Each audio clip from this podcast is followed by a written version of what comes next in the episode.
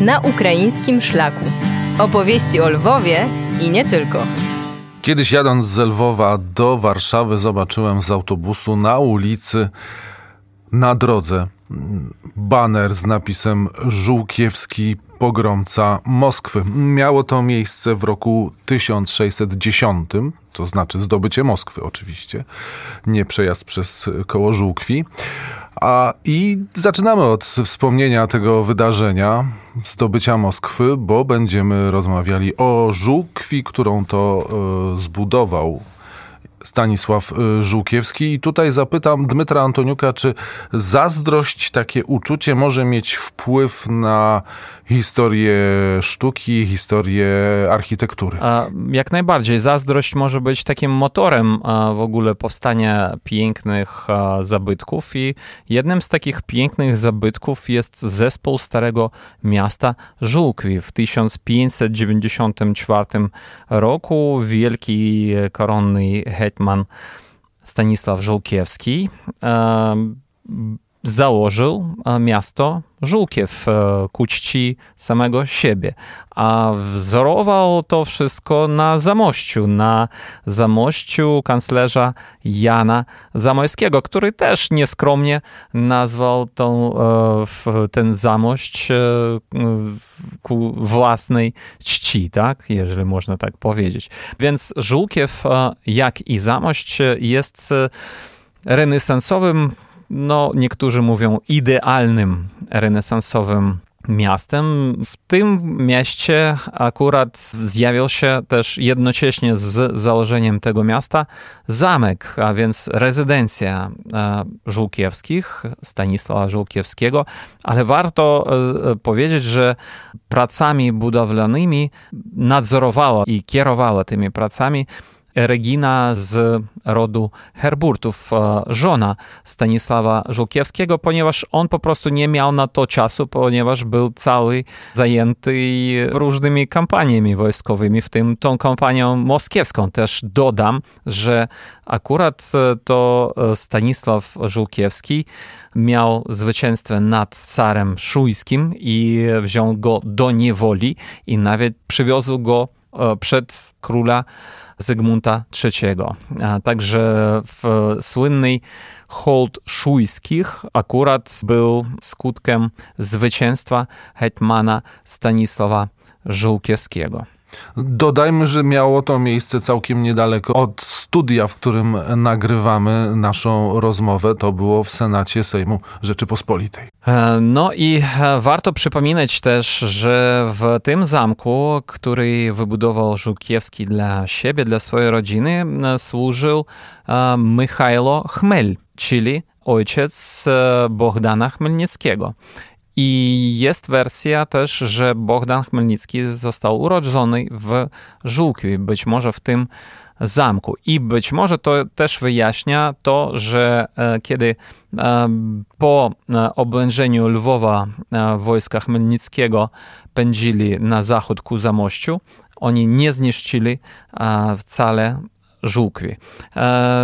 Trzeba też wspomnieć o tym, że Stanisław Zamojski, a razem z nim Michailo Chmel stracili życie w klęsce pod Cecorą w 1620 roku i wtedy e, w Turcy zabrali zwłoki hetmana do do Stambułu, odcięli głowę i pokazywali tą głowę tam na placach stambulskich i e, Regina, żona, wdowa już po Żółkiewskim, za jakąś gigantyczną sumę w 3 miliony złotych wykupiła jak e, ciało i głowę swe, swego męża, tak i ich jedynego syna Jana Żółkiewskiego, który e, w tej cecorskiej bitwie został ranny i wkrótce już w Żółkwie zmarł od odniesionych ran.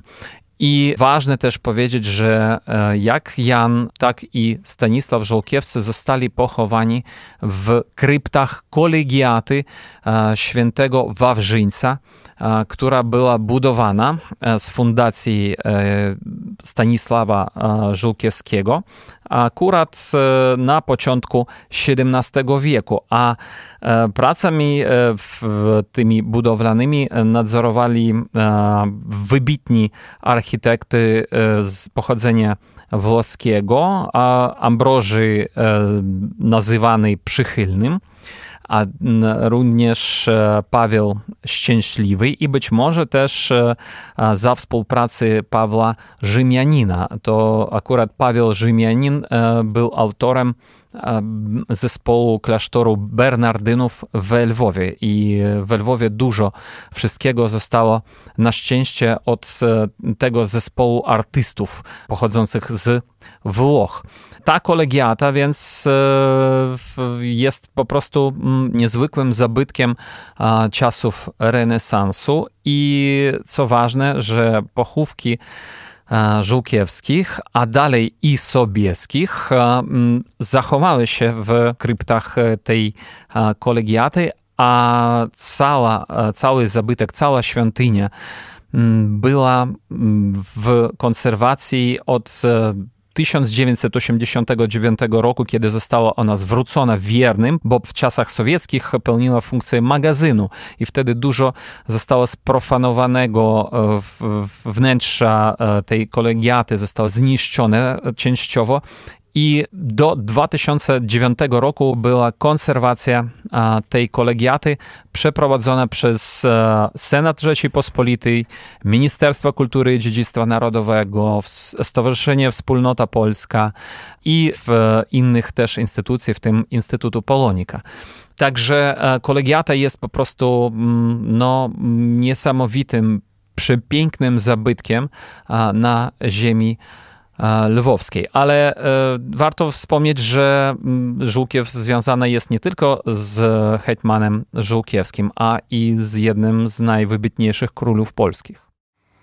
To znaczy Jan, Jan III Sobieski odziedziczył ten majątek i tam też to była jedna z rezydencji rodu Sobieskich. I akurat w płótno, tak, obraz, gigantyczny obraz e, zwycięstwa pod Wiedniem, zarówno jak i obraz e, zwycięstwa pod Chocimiem, też pod Kłuszynem, bitwy pod Kłuszynem, zwycięskiej bitwy pod Kłuszynem i zwycięskiej bitwy pod Parkanami, czyli łącznie cztery gigantycznych obrazy. One przebywali w e, kolegiacie świętego Wawrzyńca. Teraz niestety nie, ale e, ważne jest, że te obrazy są zachowane i teraz należą do Lwowskiej Galerii Sztuki. Można zobaczyć jeden z tych obrazów e, w Olesku, e, w, chyba w magazynach klasztoru Ojców Kapucynów, e, byłego klasztoru Ojców Kapucynów, a drugi w Muzeum Zamku akurat Jakuba Sobieskiego w Złociowie ale ich e, odpowiednie miejsce jest e, niewątpliwie akurat w kolegiacie, bo e, specjalnie dla niej były te obrazy stworzone. Oprócz tego król Jan III Sobieski fundował w Żółkwi inne zabytki, wśród nich monaster bazylianów i też zabytkową, przepiękną niegdyś synagogę, która teraz popada niestety w ruinie i spodziewamy się, że jednak e, zostanie też e, poddana remontowi. Tę synagogę co kilka lat, gdy w Żółkwi bywam, e, no, przyglądam się jak wygląda i jej stan rzeczywiście w tej chwili jest nieciekawy. Ważne powiedzieć, że w Zamku Żółkiewskich teraz jest muzeum, który bardzo prężnie działa, a raz też ze środków rządu polskiego była wybudowana, odbudowana jedna z wież Zamku Żółkiewskich, która od czasów jeszcze być może nawet przedkomunistycznych popadała w ruinie i w ogóle była cała zrujnowana. A teraz e, ten zamek, w którym e, jeszcze od XIX wieku był w opłakanym stanie, to teraz e, próbują pracownicy muzeum odbudowywać i powracać do życia niektórzy z, z sal tego, tego dużego w sumie zamku. Ciekawostką jest to, że również e, w Żółkwi był Piotr I, a nawet w tym czasie z nim był Iwan Mazepa. Tak, i być może akurat w, w tamtym czasie Iwan Mazepa już ostatecznie zdecydował przejść do Szwedów, bo zrozumiał, że Piotr I chce osobiście rządzić e, Ukrainą. No i też podczas tego e, pobytu Piotra I jego faworyt i przyjaciel Aleksander Mięczykow po prostu zabrał z sobą dużo kosztownych rzeczy króla Jana. Dzisiaj w naszym podcaście odwiedziliśmy Żółkiew. Ci, którzy jeżdżą autobusem z Warszawy, z Lublina do Lwowa, często przejeżdżają obok. Niestety niewiele widać z autobusu, także warto czasami wysiąść albo podjechać po prostu z Lwowa w czasie wakacji. Nasza seria podcastów ma na celu przybliżenie i zapoznanie z tymi naszymi zabytkami, które znajdują się na Ukrainie, a mamy czas, niełatwy czas rosyjskiej inwazji, agresji na Ukrainę i nie znamy dnia ani godziny, kiedy kolejne zabytki mogą być zniszczone.